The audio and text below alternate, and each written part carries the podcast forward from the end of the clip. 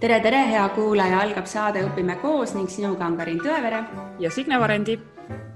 me kõik teame, et tervis on meie kõigi aeg kallim varandus, nii vaimne kui füüsiline tervis ja sellest sõltub meie elukvaliteet. kümnendal oktoobril tähistati ülemaailmset vaimse tervise päeva ning oktoober on kuulutatud vaimse tervise kuuks. meie oleme sel puhul külla kutsunud Õpime koos saatesse Põltsamaa Ühisgümnaasiumi koolipsühholoogi ja Eesti Koolipsühholoogide Ühingu juhi Karmen Maikalu. räägime Karmeniga koolipsühholoogi tööst, milliseid muresid ja rõõme koolipsühholoogid kuulevad-näevad ning räägime ka haridusstipendiumist ja kuidas Karmen kasutas semestrit, vaba semestrit, mis ta sai siis Haridus- ja Teadusministeeriumilt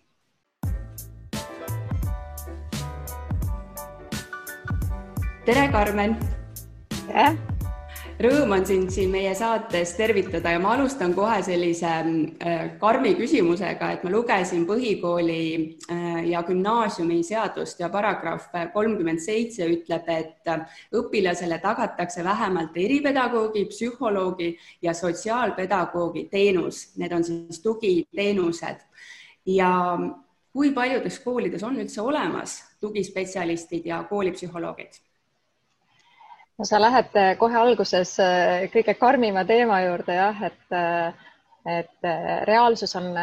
meil Eestis see, et, et, et kahjuks vähem kui pooltes koolides on tegelikult koolipsühholoog olemas. ja see on see, mis on tegelikult väga tõsine ja väga murettekitav koht. aga miks see nii on? Eh, see on see küsimus, mille, mille ees me ise ka seisame ja, ja, ja, ja mille ees eh, arvatavasti seisab, seisab ka riik ja väga paljud koolid ja, ja kohalikud omavalitsused. et eh, psühholoogiharidusega inimesi meil ju tegelikult on. et pigem on küsimus selles, et, et miks nad ei tule kooli või kui nad tulevad kooli, siis, siis miks nad jäävad, jäävad siia nii, nii väheseks ajaks. et et võib-olla on see see, et, et koolipsühholoogi tööst väga palju ei teata. koolipsühholoog on tegelikult äh, üsna uus nähtus Eesti koolides. Äh, et äh, kui logopeedidest, logopeedid on kogu aeg olemas olnud, et siis, siis koolipsühholoogid ja sotsiaalpedagoogid on, on üsna, üsna uued spetsialistid ja, ja see on siis ka meie sellise nii-öelda uue aja küsimus või, või, või uue, uue aja teemad, et, et koolides selliseid inimesi vaja on. et, äh, et äh, me ise üritame koolipsühholoogide ühingus hästi palju ka oma, oma tööd tutvustada ja ka noortele psühholoogidele sellest rääkida. et, äh, et mõnikord nendel lihtsalt ei ole aimu ja, ja kui me sellest räägime ja tutvustame, siis, siis nad saavad aru, et tegelikult on ikka hullult äge et, et, et teine, teine küsimus on seesama vana raha küsimus et äh, psühholoogi haridusega inimene saab mujal lihtsalt rohkem palka. et äh, ja, ja siin siis on näha, et, et need kohalikud omavalitsused või koolid, kes siis, äh, kes siis oma psühholoogidele pakuvad mingisugust boonust või, või, või pakuvadki kõrgemat, kõrgemat töötasu, et nemad endale ka psühholoogid saavad. et, et need on, need on sellised põhilised teemad, et mille, mille ees me seisame aga tutvusta meie kuulajatele ka, et missugune on siis koolipsühholoogi roll koolis, et äh, mis teeb selle töö nii ägedaks? Ähm, no äh, ütleme, kui ma vaatan psühholoogi vaatenurgast, et, et ma ise töötan ka, ka pereterapeudina, võtan, võtan eraldi, eraldi vastu, et aga, aga mis on koolis, koolis psühholoogi jaoks on, äh, et sa näed kõike, et sa saad koolis tohutu kogemuse. Et koolis on meil läbilõige kogu ühiskonnast, et kõik lapsed käivad koolis, eks kõik lastega pered on, on kooliga seotud ja, ja siin me ei vali, et kellega, kellega me töötame või, või, või kellega mitte ja see ei ole nagu üldse üks kontingent, vaid me näeme siin tõepoolest kõike, ehk siis koolipsühholoogina töötamine annab, annab tohutu kogemuse ja hästi laia spektriga kogemuse psühholoogina Äh, teine asi on muidugi see, et, äh, et noortega töötamine iseenesest on ju, on ju äge, et, äh, et hoiab, hoiab kaua värske ja, ja, ja noore. Et, et see on, see on tore, aga tõepoolest, et võib-olla selline psühholoogina, psühholoogile kõige, kõige olulisem on see, et, et siin, siin sa saad kätte nii kliinilise psühholoogia, organisatsioonipsühholoogia, sotsiaalpsühholoogia, et ühesõnaga, et kõik psühholoogia valdkonnad on koolis koos aga ma ikkagi küsiks, et äh, mis te seal koolis siis need psühholoogid teevad, et äh, koolipsühholoogide tööst, et mis on teie töö eesmärk ja mis rolli te koolis kannate? Äh, kui nüüd koolipsühholoog saaks töötada nii, nagu, ähm, nagu see meie ideaalis on, siis, siis me teeme väga palju ennetustööd ehk siis või peaksime tegema väga palju ennetustööd et, äh, et töötada ka kogu, kogu kooliga, et kogu kooli sellise psühhokliima loomisega ja, ja, ja kogu kooli õhkkonnaga. äh, koolipsühholoog käib klassides, räägib erinevatel teemadel, korraldab erinevaid, erinevaid vaimse tervise teemalisi üritusi Äh, ja, ja tegeleb sellega, et, et siis, äh, siis probleeme ennetada, võib-olla teeb mingeid koolitusi lastevanematele, lastele, äh, kogukonnale, jagab psühholoogiaalaseid teadmisi. et see on nüüd selline ideaalpilt, mis, mis siis võiks olla et paraku reaalsus on see, et, et kuna meie koolipsühholoogid on väga ülekoormatud, siis nad tihtipeale seda ennetustööd jõuavad vähe teha, et väga palju läheb ikkagi seda, seda ajalist ressurssi Äh, nii-öelda me ütleme tulekahjude kustutamisele ehk siis, äh, siis otseselt kriisi sekkumistele ja nõustamistele. et äh, koolipsühholoog siis,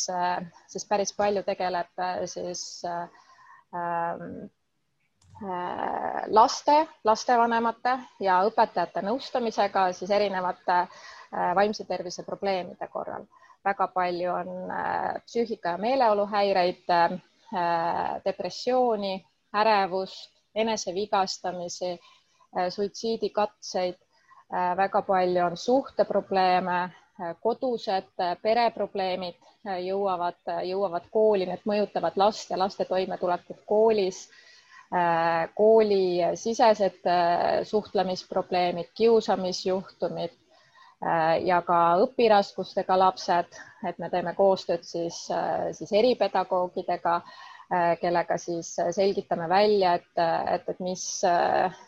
mis konkreetsel lapsel näiteks raskusi valmistab õppimises. teeme koostööd õpetajatega, et, et siis lapsele võimalikult sellist sobivat õpikeskkonda luua. Nii et nõustamine ja hindamine on, on tegelikkuses siis selline peamine osa koolipsühholoogi tööst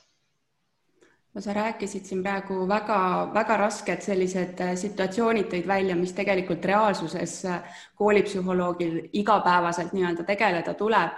Et aga ma siiski küsin, et ähm, hiljuti jagas mu tuttav sotsiaalpedagoog ühte nalja psühholoogide kohta, kus äh, isa küsis või poeg küsis isalt, et mida sa isa kõige rohkem kardad? Ja isa vastus oli, et ta kardab psühholoogia ja pime, pimedust. Ja poeg oli üsna nõutu, et okei okay,, et psühholoogidest ma saan aru, aga miks sa pimedust kardad? Ja isa vastus oli, et kunagi ei või teada, kui palju on psühholoogia seal pimeduses peidus. et minu küsimus on nüüd see, et äh, kuidas sa, kuidas need inimesed tulevad su juurde, et kas sa pead ise neile lähenema või on noored koolinoored õpetajad ka valmis ise koolipsühholoogilt abi küsima, et äh, kuidas see suhtlemine käib, sest teemad on ju rasked jah, äh, hea küsimus. Äh, ma olen koolis töötanud kakskümmend aastat ja kui ma kooli tööle tulin, siis, siis ma arvan, et, et see anekdoot oli ikka väga, väga reaalsus, et väikesed poisid jooksid mööda kooli, kooli koridori ja näitasid näpuga ja hõikasid, et näe, hulluarst läheb appi, appi, appi, jooksid minema Äh, inimesed ei julgenud mulle äh, kooli koridori peal või väljaspool kooli vastu tulles ei julgenud tere öelda. äkki keegi näeb, et ma ütlen psühholoogile tere, äkki keegi arvab, et ma käin psühholoogi juures. et tänaseks päevaks on see olukord küll päris palju muutunud. Et, äh, et mulle tundub, et, et see on saamas aina selliseks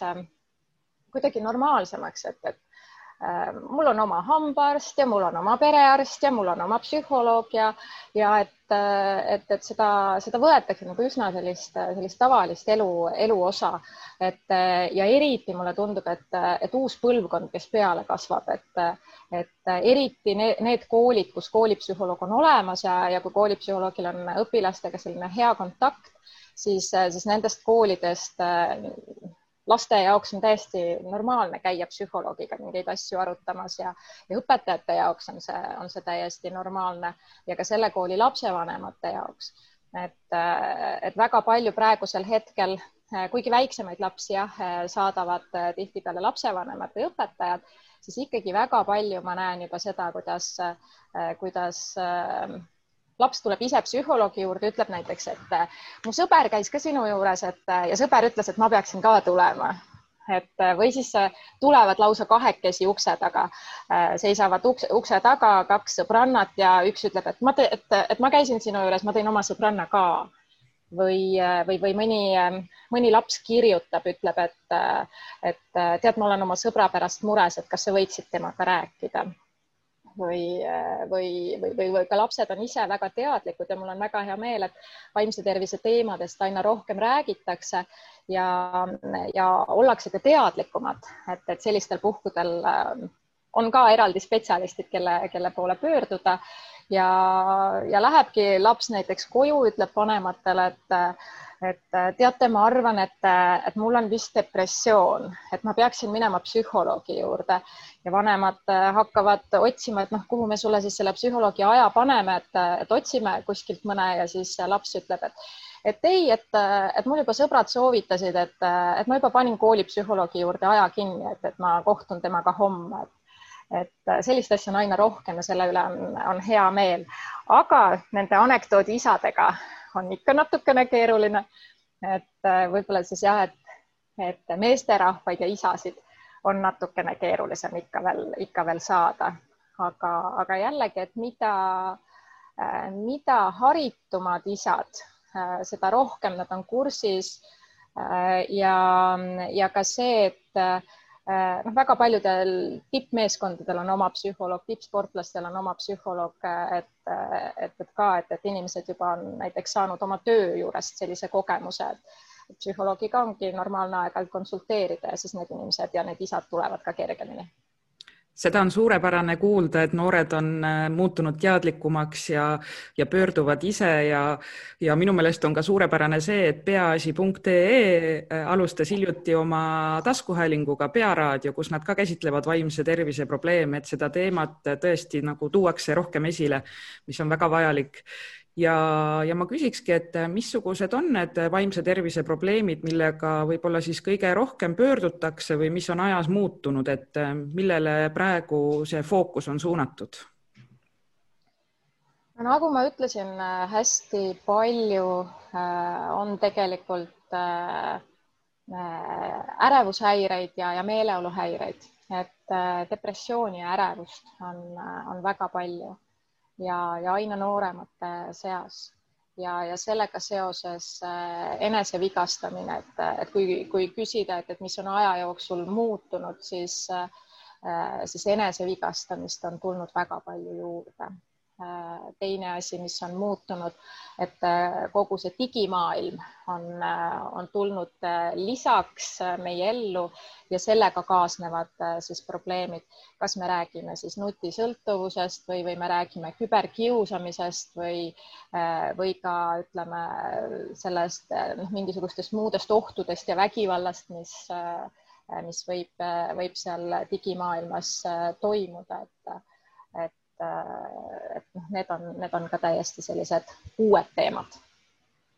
mm. -hmm aga mis on need äh, ohumärgid, et sa ütlesid, et äh, tavaliselt sõbrad märkavad, et kas märkavad ka õpetajad, et mingisuguseid märke, et saad sa öelda õpetajatele, et vot vaadake seda, seda, et need on need märgid, mille, mis viitavad nagu sellele, et tekivad ärevushäired ja võib tulla edasi mingisuguseid teemasid, mis on veel raskemad, et, et mingid märgid ja siis teine asi, et kuidas rääkida sellistest keerulistest teemadest, et äh, nüüd sul oleks vaja minna näiteks kellegiga konsulteerima, sest ma näen, et sul on see või see mure. Sõprade puhul väga palju pannakse tähele sotsiaalmeedia postitusi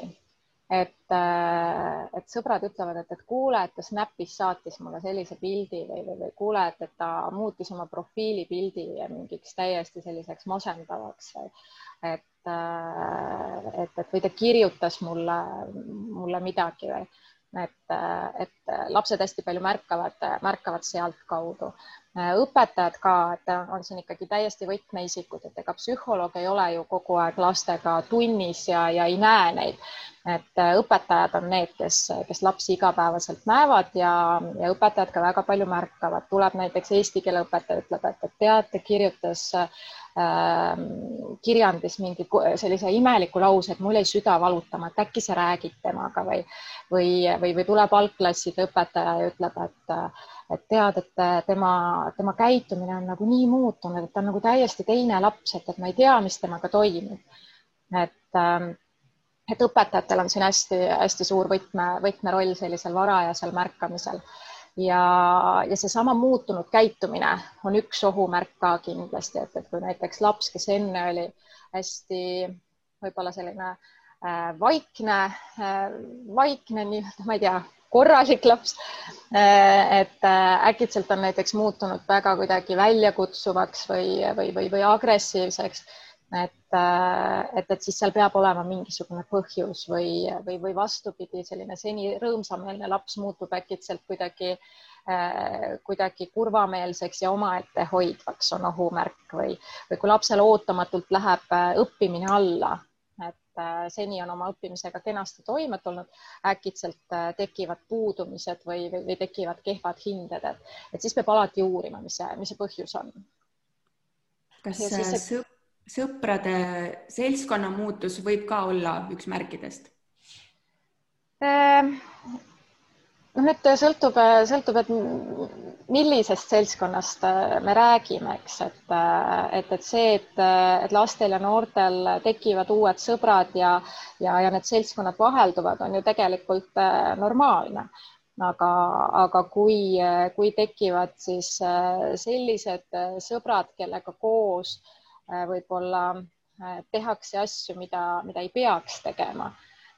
et, et siis seda peaks küll tähele panema, jah mm. -hmm. aga nüüd need äh, rasked teemad, et kuidas läheneda siis äh, noh, algklassi lapsele on noh, mingid teemad ilmselt hirmutavad, et pigem võib-olla tahaks neid vältida. teismeline võib-olla on jällegi natuke liiga tõrges, et, et temale läheneda on keerulisem, et kuidas selliseid raskeid vestlusi pidada, et kas siis alustuseks näiteks, kui koolis ei olegi psühholoogi või et anda see soovitus, et otsida abi ehm kõige alus on, on ju tegelikult äh, usalduslik suhe, eks, et, et kui kui õpilasel on oma õpetajaga hea ja usalduslik suhe, siis siis ta on, siis ta on valmis, valmis ka rääkima. et aga mulle tundub, et, et me mõnikord kuidagi ka pelgame neid, neid tõsiseid teemasid või, või ei julge kuidagi otse küsida või meil on nagu selline uskumus, et, et isiklikke asju ei sobi kuidagi küsida või et ah, et, et, et kui ta tahab, siis ta räägib. et tegelikult võiks ikkagi väga-väga otse küsida, et, et kuule, et, et ma olen märganud, et sa oled viimasel ajal nii sellise kurva olemisega, et kas midagi on juhtunud või tahad sa mulle rääkida sellest? ja kui, ja kui laps ütleb selle peale, et, et ei taha, siis see on ka okei okay aga siis tasub talle öelda, et, et okei okay,, et, et ma saan aru, et, et sa praegu ei taha rääkida, aga, aga et kui sa ühel hetkel tahad, et siis tule mu juurde ja siis räägime, et jätta see uks nii-öelda lahti, aga, aga näidata seda, et, et sa oled huvitatud. et äh, väga palju on ju sellist olukorda, kus, kus näiteks räägid mõne inimesega ja, ja vaatad, et tal tulevad ühel hetkel pisarad silma ja ta üritab seda varjata. et äh, mida siis teeb viisakas inimene? Et viisakas inimene siis teeb näo, et ta ei märka ja, ja, ja räägib siis mingisugust muud juttu edasi. et, ähm, et ja samas, mis tunne võib jääda sellele inimesele, kellel need pisarad silmas on, et ahah, näed, ta nägi, et mul on raske, aga ta isegi ei hooli, ta isegi ei küsi, milles asi on. et äh, sageli on sellist olukorda, kus ma räägin näiteks täiskasvanud inimestega, kes äh, tuletavad meelde oma koolipõlve ja ütlevad, et, et aga nad kõik teadsid, et midagi on pahasti, aga keegi kunagi ei küsinud, et tegelikult keegi ei hoolinud. aga küsimus ei olegi hoolimises, et me tihtipeale ei, võib-olla ei oska lihtsalt nendest asjadest rääkida. et praegu on ka peaasi äh, Äh, korraldab äh, väga häid äh, vaimse tervise alaseid koolitusi või vaimse tervise esmaabikoolitusi, kus, kus ka need on avatud kõikidele inimestele, kõik saavad seal osaleda veebi teel ja, ja seal õpetataksegi seda, et, et kuidas minna inimesele juurde ja, ja kuidas, kuidas pakkuda seda mõistmist ja hoolimist ja kuidas küsida otse, et, et kuule, et kuidas sul päriselt läheb. et Äh, et räägi, kas sul on, kas sul on mingisugune mure, et, äh, et, et ikka täitsa, täitsa otse võiks, võiks küsida. ma just hiljuti rääkisin ühe õpetajaga, et, et selline vanema generatsiooni õpetaja, kes ütles, et, et tead, et, et ma, et ma, ma pikal vahetunnil lihtsalt õpilastega räägin, et, et kui ma näen, et, et mõni, mõni laps on jäänud selliseks äh, kuidagi tõsiseks või, või mulle tundub, et temaga on midagi juhtunud, et mina olen selline vanakooli inimene, mina lähen otse juurde ja küsin, et mis toimub. Ja nad päriselt jäävadki rääkima, tegelikult lapsed tahavad rääkida, kui, kui nad näevad, et, et täiskasvanu tunneb, tunneb huvi ja hoolib nii et see märksõna võiks olla see, et õpi tundma oma õpilasi Ehm, märka neid muutusi, usalda oma sisetunnet, et kui sa arvad, et midagi ikkagi on seal natukene pahasti, et siis, äh, siis reageeri sellele, otsi ise abi näiteks ja ära karda siis küsida küsimusi, jäädes viisakaks, et et, et nagu sa ütlesid, et see uks lahti jätta sinna, et kui praegu ei soovi vastata, et siis vähemalt ta teab, et teda on märgatud ja, ja tal on, ta võib-olla hakkab ka ise mõtlema siis selle peale, et tõesti äkki mul, mul noh, on midagi natukene, et miks ma olen teistmoodi käitunud. just, just, et mitte karta küsida, küsida otse mm. -hmm. aga nagu õpetajate tööd ikka siin äh, alati mõõdetakse, et on need siis eksamitulemused, äh, käitumishinded, et äh, kas koolipsühholoogide tööd ka kuidagi annab mõõta? ja kas seda on vaja kuidagi üldse mõõta? Ähm, no vot, mille, millega sa mõõdad, et, et kas seda, et, et kui, kui palju äh, äh, kooliõpilastest on üldse selles koolis näiteks, ma ei tea, depressiivsed või, või, või ma ei tea, et äh, no tegelikult koolipsühholoogi äh, töö on ju, on ju väga konfidentsiaalne, eks, et, äh, et me näiteks reeglina ei, ei anna ju isegi neid nimesid, kes meie juures käivad. Rääkimata sellest, et, et me siis räägiks, räägiks, ma ei tea, õpetajale või, või kellelegi sellest, et mida see laps rääkis et sellist, selline asi ei tule koolipsühholoogi töös kõne allagi, nii nagu kõikide psühholoogide töös. et, et küll aga, aga mida, mida me siis teeme, on see, et, et näiteks kas siis poolaasta lõpus või õppeaasta lõpus me siis anname siis selle, et, et kui palju käis meie juures äh, selles vanuses õpilasi, teises vanuses õpilasi, kui palju poisse, kui palju tüdrukuid, millised olid probleemid peamiselt, aga need on kõik siis anonüümsed ilma, ilma nimedeta mm. -hmm. et ja, ja seda siis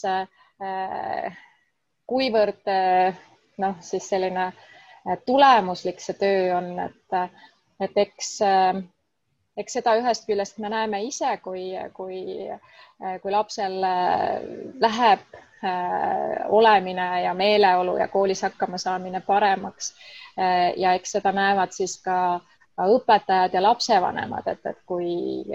kui psühholoog on siis nii-öelda sinna kampa võetud ja, ja temaga koos neid asju aetakse lapse toetamiseks, et, et äh, kas siis läheb lapsel paremaks või mitte. ja mõnikord on see töö ka selline, et sa ei näe kohe tulemust. et Äh, mul on olnud ka päris, päris palju selliseid, selliseid olukordi, kus, kus äh, just nagu jääb töö poolikuks ja siis alles võib-olla mingi aasta pärast või, või mõnikord on olnud ka sellist olukorda, kus, äh, kus see laps on näiteks juba kooli lõpetanud ja ühel hetkel maandub su postkasti kiri. kas sa mäletad mind, ma käisin su juures, tead sa, ma tahan sulle öelda aitäh, sellest oli nii palju abi. ja ma praegu ka mõtlen vahepeal nendele asjadele, mis sa, mis sa ütlesid, eriti on mul meeles see lause näiteks, et, et, äh, et mõnikord sa näed seda oma töövilja alles, alles hiljem nii et see ei peaks olema siis niipidi, et mida vähem lapsi käib, seda justkui paremini koolipsühholoog tööd teeb, et tal kohtumisi pole vaja teha, kõik on terved, et tegelikult ju alguses on just hea, et mida rohkem siis erinevaid õpilasi koolipsühholoogi üles leiavad ja, ja, ja võib-olla siis jah, need korduvkülastused, et need siis hakkavad nii-öelda vähenema, et on näha, et laps saab juba iseseisvalt äh, hakata siis või noh, paremuse poole liikuma no võib-olla tõesti jah, et äh, aga vaadates seda, mis, äh, mis meil ühiskonnas toimub, kuidas ikkagi psüühikahäireid on aina rohkem, et äh, siis, siis koolipsühholoogil nüüd järjekord mulle tundub küll kunagi ära ei kao ja tööpuudust karta ei ole mm. -hmm aga Karmen, ma võtan selle teise teema nüüd, et äh, kelle iganesega me intervjuu teeme ja küsime, et äh, mis on nende kõige suurem unistus, siis nad kõik unistavad koolist, kus kõik on väga rõõmsad, et koolirõõm on nii õpetajate südames ja silmis kui ka õpilaste silmis. et äh, mis need siis on, et mis, mis võtab ära selle koolirõõmu ja mida sa näed, mis oleks see, mida me saaks kõik teha, et see koolirõõm oleks kõigi südames kuna minu ähm, lisaväljaõpe on, äh, on pereteraapia ehk ma olen ka pereterapeut, siis, äh, siis ma ei saa üle ega ümber äh, sellest, mis toimub lapse peres. Ja, ja ka erinevad uuringud näitavad seda, et, ähm, et ka meil Eestis tehtud uuringud ähm, näitavad päris selgelt seda näiteks, et need lapsed kes äh, kogevad rohkem oma vanemate toetust kodus ja kellel on oma vanematega paremad suhted, need hindavad kooli ka positiivsemalt, nad hindavad oma suhteid kaasõpilastega positiivsemalt, nad hindavad oma õpetajaid toredamaks ja need lapsed ka ütlevad, et äh, nad kogevad äh, vähem koolikiusamist kui need lapsed, kellel on kodused suhted kehvad. nii et et äh, mulle tundub, et, et mõnikord, kui me räägime sellest äh, kooli rõõmust ja, ja äh, ja näiteks ka kooli kiusamisest, et, et, et siis see vastutus lükatakse nagu täiesti kooli peale, et noh, et mis teil seal koolis toimub. et, et, et, et ma ütleme, koolis töötava psühholoogina ja pereterapeudina julgen öelda, et, et tegelikult on ikka väga-väga palju sõltub sellest, et mis toimub lapsel kodus et äh, laps tuleb kodust ja sealt ta saab oma esmase toetuse ja kui ka koolis on keerulised hetked, et, et võib-olla äh, äh, midagi seal õppetöös ei klapi või, või, või mõne õpetajaga tekib arusaamatus või tekivad konfliktid kaasõpilastega. jah, väga palju sõltub sellest, kuidas kool reageerib, aga see, kuidas laps selle kõigega toime tuleb, sõltub väga-väga palju ikkagi kodusest toetusest nii et äh, koolirõõmu nii äh, kummaline, kui see ka ei tundu, ma ütleks seda, et koolirõõmu juured on tegelikult kodus. ja ma ei ütle, et, et koolis ei peaks midagi tegema, muidugi peaks, et, et me peaks vaatama, äh, vaatama seda, et, et kuidas, milline õpikeskkond on parem, me peaksime Äh, olema kursis ka uuemate teadusuuringutega, mis näitavad seda, kuidas äh, lapse aju tegelikult õpib ja, ja mida, mida ta vajab selleks õppimiseks ja ja, ja selle kõige kaudu siis ka valima koolis oma õppemetoodikaid ja looma vastava õpikeskkonna. et äh, ja, ja muidugi ka selline sõbralik ja, ja positiivne suhtumine on, on oluline äh, koolis hoida ja luua seda nii õpetajate poole pealt kui ka siis õpetaja, kes kujundab kogu seda klassikollektiivi. et äh, aga suurem kaalukauss, mulle tundub, äh, kaldub ikkagi sinna kodu poole. kas sul on mingeid pere ma küsin Signe siit ära, et, et paraku on nii, et need perekonnarollid ja mudelid, need kanduvad nagu põlvkonnast põlvkonnast edasi, et jah, me küll ütleme, et me ei taha võib-olla teha mingeid asju nii, nagu meie vanemaid, vanemad tegid, aga mingil hetkel me paraku leiame ennast samast situatsioonist, et, et kas siin kool saab selles mõttes tulla appi peredele, et õpetada noori, kuidas suhelda, kuidas suhteid hoida, kuidas lahendada konflikte, et, et tähtsustada perekonda, et kas koolis on selline õppeaine olemas ja kas koolipsühholoogid saavad näiteks pakkuda selliseid koolitusi? ja meil on ju äh, riiklikus äh, õppekavas on ju sees selline aine nagu inimeseõpetus ja, ja seal inimese õpetus äh, käib siis, siis läbi erinevate kooliastmete ja gümnaasiumis on olemas selle raames siis täiesti selline aine nagu perekonnaõpetus. minul on õnn olla oma gümnaasiumis ka perekonnaõpetuse õpetaja ja no teate, need on üliägedad tunnid, et, et me räägime õpilastega, räägimegi sellest, mis mis see elu päriselt on ja, ja kuidas, kuidas see päriselt toimub ja, ja, ja millised probleemid tulevad ja kuidas nendest probleemidest hoiduda ja, ja ja põhikoolis ju on olemas selline aine nagu suhtlemisõpetus. Ja see, see suhtlemispädevus ja see, need sotsiaalsed pädevused tegelikult ju, ju lähevad läbi, läbi erinevate kooliastmete ja, ja seda on üritatud igal pool sisse, sisse viia, et, et paljudes koolides on olemas erinevad siis sellised sotsiaalsete oskuste õpetamise programmid, et äh, VEPA on meil olemas, SBLO on meil olemas, kiusamisvaba kool, noh, mis mis iganes äh, me, me saame koolis, koolis kasutada, et, et tegelikult jah, et kool peab panema rõhku sotsiaalsete oskuste õpetamisele ja, ja ilma selleta ei ole enam lihtsalt võimalik, et me ei saa loota, et see kõik tuleb kodust kaasa aga kui meie nüüd koolis äh, teeme seda tööd, näeme vaeva ja, ja proovime siis niimoodi läbi õpilaste võib-olla mõjutada seda suhtlemist ja käitumist, et aga mida ma õpetajana saaksin veel teha, et kuidas kommunik-, kommunikeerida nagu äh, koduga, kui ma märkangi, et koolis on äh, õpilasel probleemid ja, ja ma, ja ma saan aru, et see tulebki kodust, et kodus on ka probleemid, et kuidas, kuidas seda nagu edasi anda, et, et kui palju mina üldse saan siin mõjutada näiteks?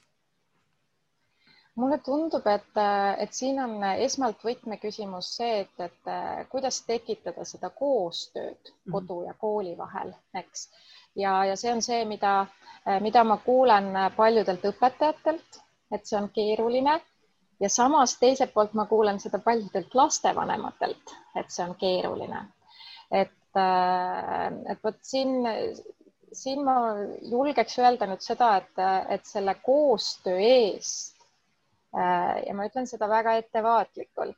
et kodu ja kooli koostöö eest vastutab kool koolis on professionaalid, et lapsevanem äh, on professionaal äh, oma erialal, et meie koolis oleme, oleme professionaalid siis selle pedagoogilise poole pealt ja, ja ka ütleme lapse arengupsühholoogia teema poole pealt ja, ja peaksime olema professionaalid ka suhtlemise poole pealt. et, ähm, et see, kuidas saada tõrgest lapsevanemat koostööle. see võib olla väga keeruline, aga mulle tundub, et, et kui lapsevanem saab aru sellest, et, et, et õpetaja ei taha süüdistada, õpetaja ei taha mingisuguseid reegleid kehtestada või, või midagi ette heita, vaid õpetaja huvi on see, et, et, et minu lapsel läheks hästi. ja kui lapsevanem saab sellest aru, et, et tegelikult me oleme õpetajaga ühe asja eest väljas, minu lapse eest oleme mõlemad väljas. et ja ta saab aru, et õpetajat saab usaldada selles osas, et, et siis ka need tõrksad lapsevanemad eh, tihtipeale sulavad üles ja, ja, ja saab, saab nendega asju arutada küll mm. -hmm kas sul on ka sellist kogemust, et vastupidi, lapsevanemad tulevad sinu juurde ja ütlevad, et, et see, et sina oled see kõige kiirem abi, et äh, lahendada mingeid probleeme, et nad ise võib-olla ei jõua oma lapseni? ja, ja muidugi, et ja, ja väga sageli noh, ongi, et, et lapsevanemad pöörduvad, ütlevad, et, et ma lihtsalt enam ei oska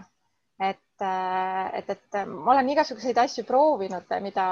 mida ma olen osanud ja, ja lihtsalt enam ei tea, kuidas oma lapseni jõuda, kuidas, kuidas jälle seda kontakti saavutada, et või, või mida, mida temaga, temaga üldse, üldse teha.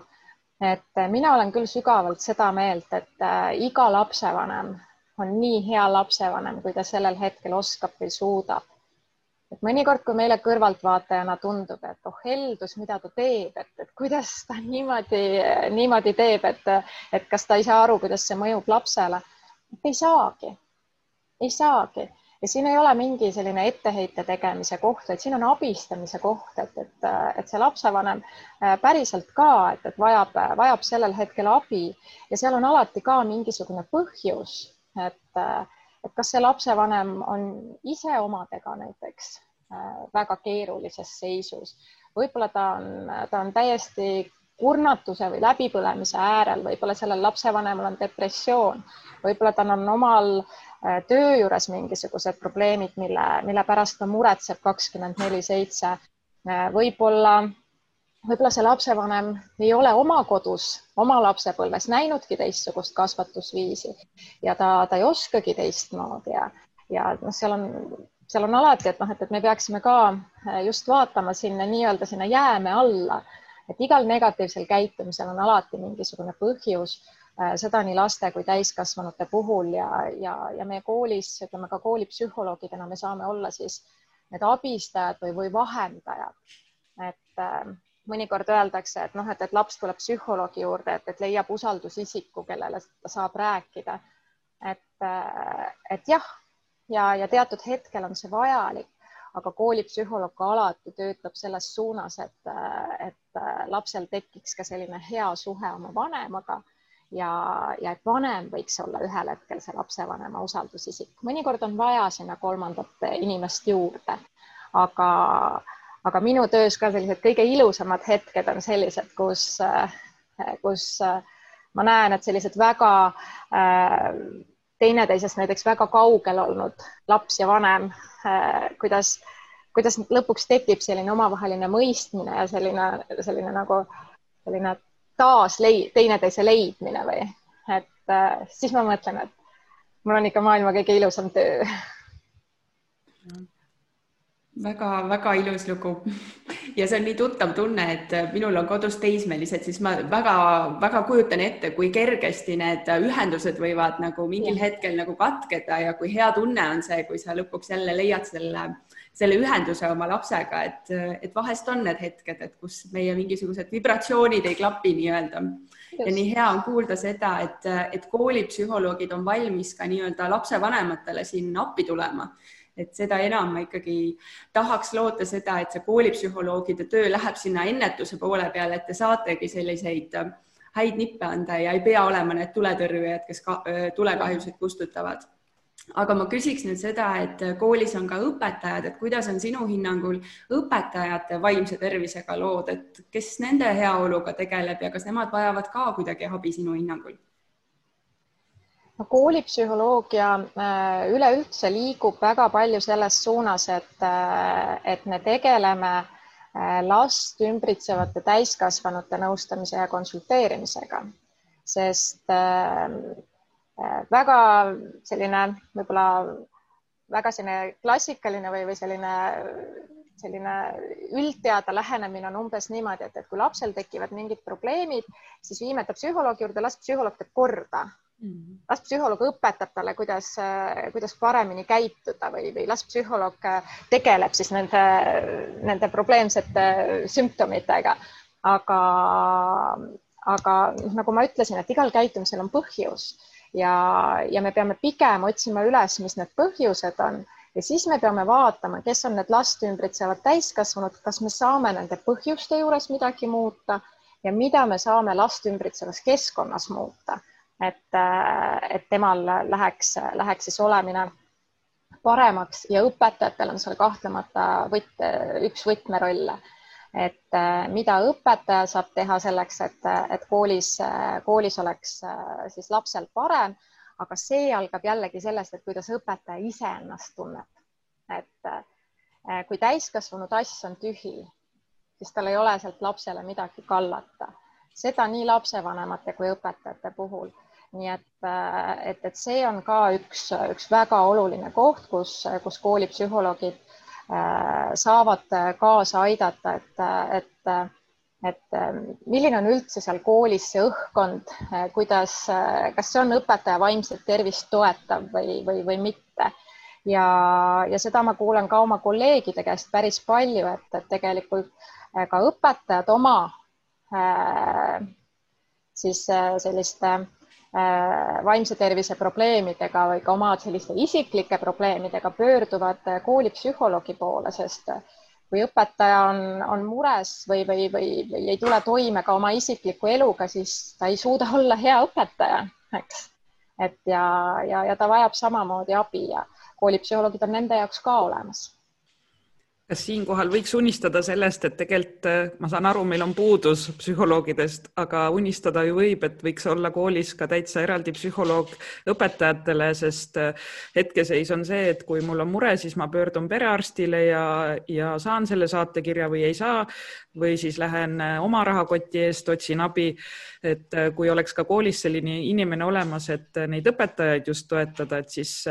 niipidi kaasa aidata sellele veel tervemale õhkkonnale ja koolikeskkonnale. et kas võiks niimoodi Häda... unistada? Eh, võiks, ma ütleks, et, eh, et lausa, lausa häda, hädavajalik, et eh, kas see inimene peab just olema eraldi, et eraldi, kes tegeleb lastega, eraldi, kes tegeleb õpetajatega, et, et võib-olla mitte, aga, aga seal koolis peaks olema neid psühholooge siis nii palju, et mhm. jõuaks tegeleda kõigiga. et kui siin veel kuskil kümmekond aastat tagasi oli ju Äh, selline äh, äh, määrus, mis ütles, et, et üks koolipsühholoog peaks olema kuuesaja õpilase kohta, siis praeguseks see määrus on oma kehtivuse kaotanud ja on öeldud, et iga kool siis ise vaatab, mis koormusega tal seda psühholoogi vaja on. Ja samas meie Eesti Koolipsühholoogide Ühingus äh, oleme andnud ka oma soovitused, et, et vaadates seda, kui palju on, on psüühikahäireid, kui palju on tegelikult probleeme nii lastel kui täiskasvanutel, siis meie soovitus on see, et üks psühholoog peaks olema koolis juba kahesaja õpilase peale mm. -hmm. et siis jõuaks tõesti tegeleda nii ennetusega kui sekkumisega äh, nii lastega kui täiskasvanutega. -hmm. sa, Karmen, juhidki Eesti koolipsühholoogide ühingut, et äh, millised on teie nii-öelda sellised tööfookuse suunad, et äh, mis on teie mured, rõõmud ja mis on sinu nii-öelda fookus, et mis sa nüüd tahad tahad veel anda teha? Eh, no meie eh, üks peamine fookus eh, praegusel hetkel on ikkagi see, et, et kuidas suurendada seda koolipsühholoogide hulka Eesti koolides ja, ja kuidas, kuidas ka olemasolevaid koolipsühholooge siis, siis hoida ja toetada. me tegeleme päris palju ka, ka koolipsühholoogide siis täiendkoolitusega et äh, ja, ja nende, äh, nende toetamisega meil on väga selline, äh, meil on üle kahesaja koolipsühholoogi, kes on meie ühingus ja, ja selline väga väga tore seltskond on, on meil seal koos, kõik on missiooniga inimesed ja, ja,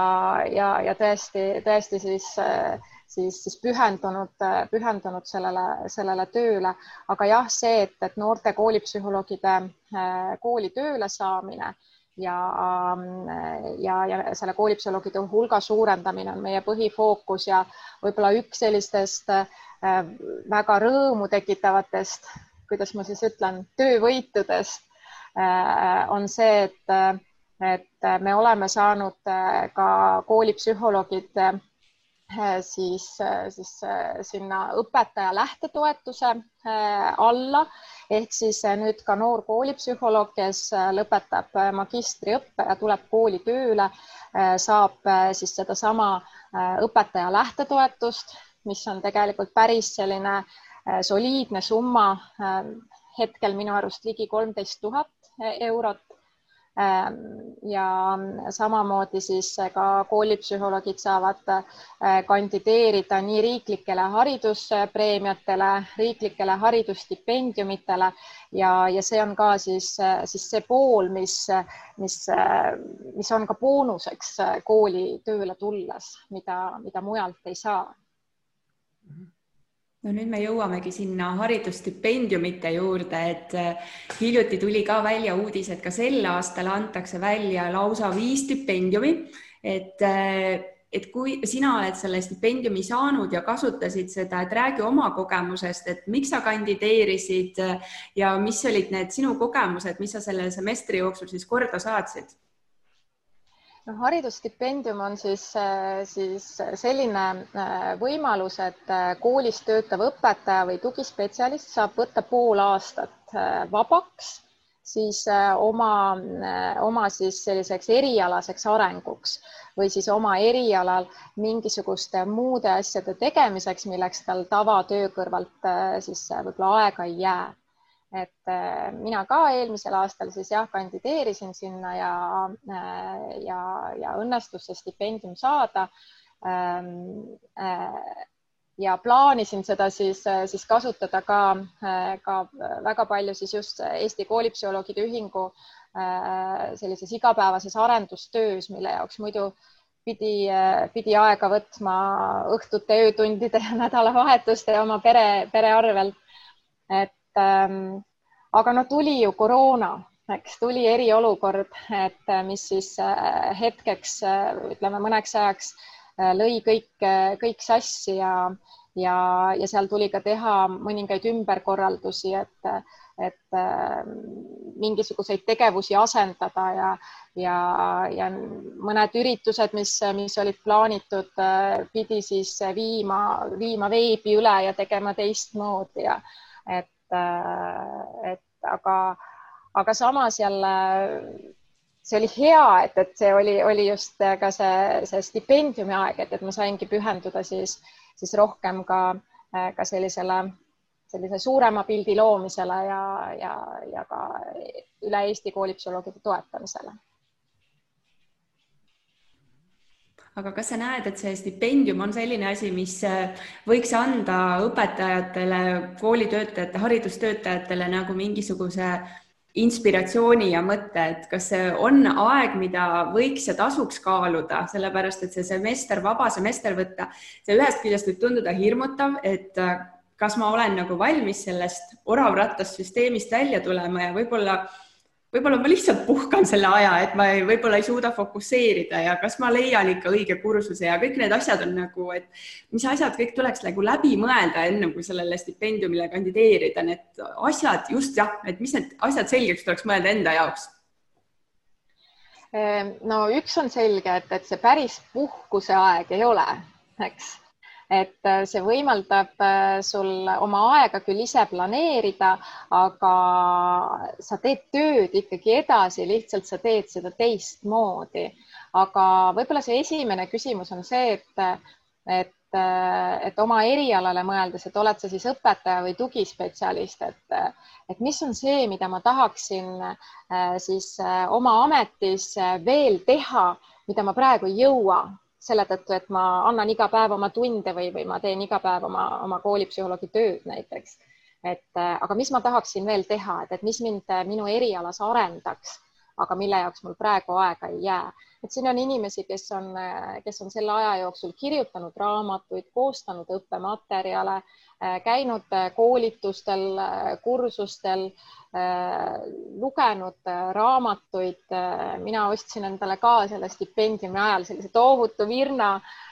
raamatuid, mida, mida ma siis lihtsalt, lihtsalt võtsin, võtsin ja, ja lugesin. ei jõudnud nii palju lugeda, kui, kui plaanisin, aga, aga jah, et, et tõesti see oma aja planeerimine ja, ja mida ma just oma ametis tahaksin veel teha ja kuhu suunas areneda, et, et see on võib-olla see esimene küsimus. et ei ole oodatud seda, et sa nüüd teeksid jälle veel enam, kui sa koolis teeksid, et korraldaksid üritusi, konverentse, mingeid selliseid äh, arutelusid, kokkusaamisi, vaid on ka võimalik, et sa võtadki selle aja enesearenguks, et ise areneda siis äh, oma ametis edasi no kui lugeda, seal on päris, päris eh, selgelt ka, eh, ka need tingimused määratletud, et, et see tuleks kindlasti enne, enne läbi lugeda. et, et seal peaks tekkima ka mingisugune nii-öelda lisaväärtus teistele ka. et, et, et kui mina nüüd oma erialas arenen, et mis sellest ka siis, siis näiteks teistele kasu on. seal mhm. tuleb koostada väga spetsiifiline eelarve et see ei ole see, et, et sulle lihtsalt antakse mingisugune rahasumma ja tee, tee, mis tahad. sa pead koostama väga konkreetse eelarve, et, et vot, et, et see summa läheb selle peale, see summa läheb selle peale ja, ja see on tegelikult selline äh, paras äh, paras selline ettevõtmise asi ka, et, et, et et, et mis ma sinna eelarvesse panen ja, ja, ja kuidas ma seda koostan ja mis need tegevused on ja, ja et, et kui palju see üldse maksma läheks, et, et pole aimugi näiteks või et, et. kas keegi selle... aitas sind selliste nende siis äh, tabelite täitmisega või jäi see kõik sinu enda teha ikkagi? Äh, selle peab ikka stipendiumile kandideerija ise, ise kõik kokku kirjutama, jah mm. -hmm aga kas juhul... kooli poolt oli kohe selline nagu tugi äh, sinu jaoks olemas, et muidugi see on suurepärane võimalus, kasuta seda, aga nemad ju jäävad siis justkui hetkeks, äh, pooleks aastaks äh, sinust ilma, et kuidas kool sellesse suhtus, et sa soovid kandideerida? No mind on õnnistatud väga-väga mõistliku koolijuhiga, et, äh, et, et meie koolijuht on tõesti väga-väga toetav ja mõistev. Ja eks ta oli aus ka, ta ütles, et noh, et et muidugi mul oleks hea meel, kui, kui sa saaksid selle, et aga et, et noh, et, et mis me siis teeme, täpselt seesama küsimus aga selle peale ma olin juba ette mõelnud. mul oli äh, üks äh, noor koolipsühholoog äh, juba olemas, kes, kes oli valmis meile appi tulema ja kui ma selle ka ära ütlesin, et et koolijuht ei pea hakkama ise otsima asendajat, no siis ei olnud enam mingit küsimust. aga muidugi, et, et kui tuli, kui tuli see eriolukorra aeg, et, et ega ma siis oma koolist ju eemal ei olnud, et, et kool vajas, vajas tuge ja ja, ja, ja nõustamist päris mitmetes küsimustes selle eriolukorra ajal, et, et, et, et siis ma ikka oma kooli jaoks olemas olin ka mm. -hmm igal juhul on see väärt algatus ja minu meelest on see suurepärane võimalus õpetajatele, et kes vähegi tunneb, et, tahaks midagi nagu sa ütlesid, et mida ma siiamaani olen hinges kandnud, mingid mõtted ideed, aga mul lihtsalt jääb ajast puudu, siis võtta nagu sellisest rutiinist nagu, lõigata see rutiin hetkeks välja ja tegeledagi selle tööga, mis, mis tõesti nagu südamel on, et ma arvan, et see on väga oluline aga kui sa rääkisid siin eriolukorrast, siis äh, alati, kui ma taustatööd teen, siis ma vaatan neid kooli kodulehekülgi ka ja vaatan, et äh, mis siis, äh, mis siis Põltsamaa Ühisgümnaasiumi lehel paistis silma. Ja ma pean ütlema, et ma ei ole ühegi teise kooli lehel kunagi näinud seda, et pakutakse ka veebi vahendusel koolipsühholoogi abi, et jah, õpetajad tulid kodudesse, aga kas Põltsamaa Ühisgümnaasium oli ainus kool või oli ka teisi selliseid koole, kus pakuti, koolipsühholoogid tulidki koju virtuaalselt? see, see oli kogu, kogu meie ühingus, meil kõik koolipsühholoogid äh, läksid üle veebinõustamistele. et äh, see oli paljude jaoks äh, uus kogemus, minu enda jaoks ka ja ma olin siiamaani väga skeptiliselt sellesse suhtunud päris mitmeid kordi oli varem ka küsitud, et, et kas sa teed veebinõustamist. ma olin väga konkreetne, ütlesin, mis, see pole mingi nõustamine, et ei tee. et äh, ja siis me olime sunnitud äh, ühel hetkel päevapealt, et me ei saa ju jätta oma tööd pooleli, ütleme nende, nende juhtumitega, mis, mis töös, mis töös olid ja, ja, ja tuli uusi juhtumeid ju juurde et, äh, et need, äh, need pered või need, need lapsed, kellele distantsõpe ei sobinud ja kes, kes vajasid, vajasid eraldi, eraldi toetust. et, ähm, et äh, läksime kõik veebi üle ja, ja tegime ja meie koolipsühholoogid rääkisid, et, et kes tegi veebis videokõnega, kes tegi telefonikõnega, kes tegi ilma kaamerata, kes tegi niimoodi, et, et chat'is, äh, kirjutas äh, noortega, et mis iganes sellel hetkel toimis, äh, me kõik need variandid proovisime järgi. Ja, ja päris positiivne tagasiside on, on olnud sellele. Ja, ja paljud koolipsühholoogid on ka selle võimaluse jätnud, et Äh, et isegi praegu, kui kool, kool toimib, on tegelikult äh, võimalus äh, siis, siis ka veebi teel seda nõustamist saada no minu meelest on see suurepärane uudis ja võib-olla siin on ka üks lahendus, kuidas neid koolipsühholooge nii-öelda kooli juurde saada, et nad reaalselt ei olegi koolis, aga nad mingi hetke saavad võtta nii-öelda oma päevast ja keskenduda kooliteemadele. jah, selle peale me oleme, oleme ka mõelnud, et et kui kool on valmis ka just, noh, küsimus on tihtipeale nendes väikestes maakoolides, kuhu siis on koha peale raske saada seda inimest sinna, sinna sõitma, et, et see on täiesti üks võimalus, mida võiks, võiks kasutada. Aga jällegi, et noh, sellist silmast silma kontakti ja päris reaalset kohtumist ju ei asenda miski, et, et Äh, see veebinõustamine, see nüüd tuli ja tuli selleks, et jääda, et kindlasti ta ühe võimalusena jääb, aga, aga et äh, selline reaalne kohtumine, et, et minul küll, mul oli väga hea meel, et, et kui, kui lõpuks ikkagi õnnestus jälle, jälle oma kabinetti minna ja, ja oma koolimajja minna ja, ja, ja inimestele ikkagi silmast silma tere öelda, et see on täitsa teine tunne no nii tore, mul on hea meel, et, et kui ma mõtlesin selle saate peale, siis ma mõtlesin, et ah, me kindlasti räägime hästi palju muredest, aga tegelikult vaatab mul siit ekraanilt vastu hästi särav, kaunis ja rõõmsameelne inimene ja mulle tundub, et koolipsühholoogi töö on, on võib-olla veel ägedam kui õpetaja töö. et natuke sa mainisid, et sa saad olla õpetaja ja sa saad olla see abistaja ja aitaja ja sa töötad nii lapsevanematega, õpetajatega, koolijuhtidega ja see ühingu töö tundub ka nii põnev sulle, et et, äh, et igal juhul väga-väga põnev oli kõik, ma ei tea, kuidas sulle, Signe, tundub? ja mind on äh, need vaimsed teemad äh, üleüldiselt huvitanud ja mulle meeldib, et sellest järjest rohkem räägitakse ja mina ise näen ka seda, et koolipsühholoogi uks ei ole enam selline salauks kuskil kabinet, kuhu keegi ei julge minna, et, et mul on hea meel, et, et selline üleüldine koostöö koolis kõikide siis tugispetsialistidega on, on järjest, järjest siis no, normaalsem või selline tavaline nähtus, kus muidugi on need inimesed olemas, et ma unistan koos sinuga, et neid inimesi oleks igas koolis ja et neid oleks, oleks seal rohkem ja Äh, ma võtaksin äh, siin kokku selle haridusstipendiumi, et veel kord kuulajatele, et äh, kui sind huvitavad sellised teemad nagu digipedagoogika rakendamine, õpikäsitluse ja selle muutmine, selle toetamine ja kaasava hariduse rakendamine, et siis vot sellel aastal on just kõige õigem aeg kandideerida sellele samale riiklikule haridusstipendiumile,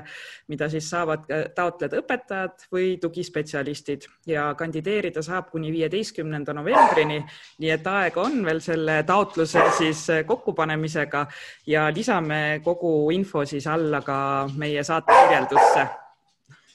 Tommi, tule siia. Tommi, tule. üks tegelane veel tahab meil saatesse tulla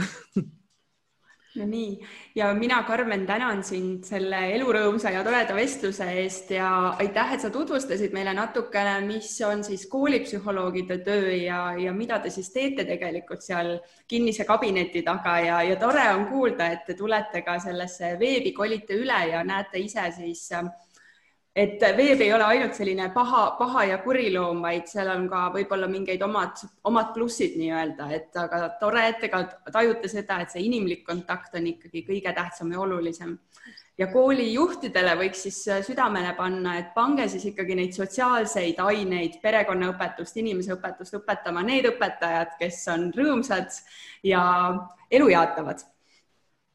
kuulge, see Tommi on väga-väga äge sealjuures ju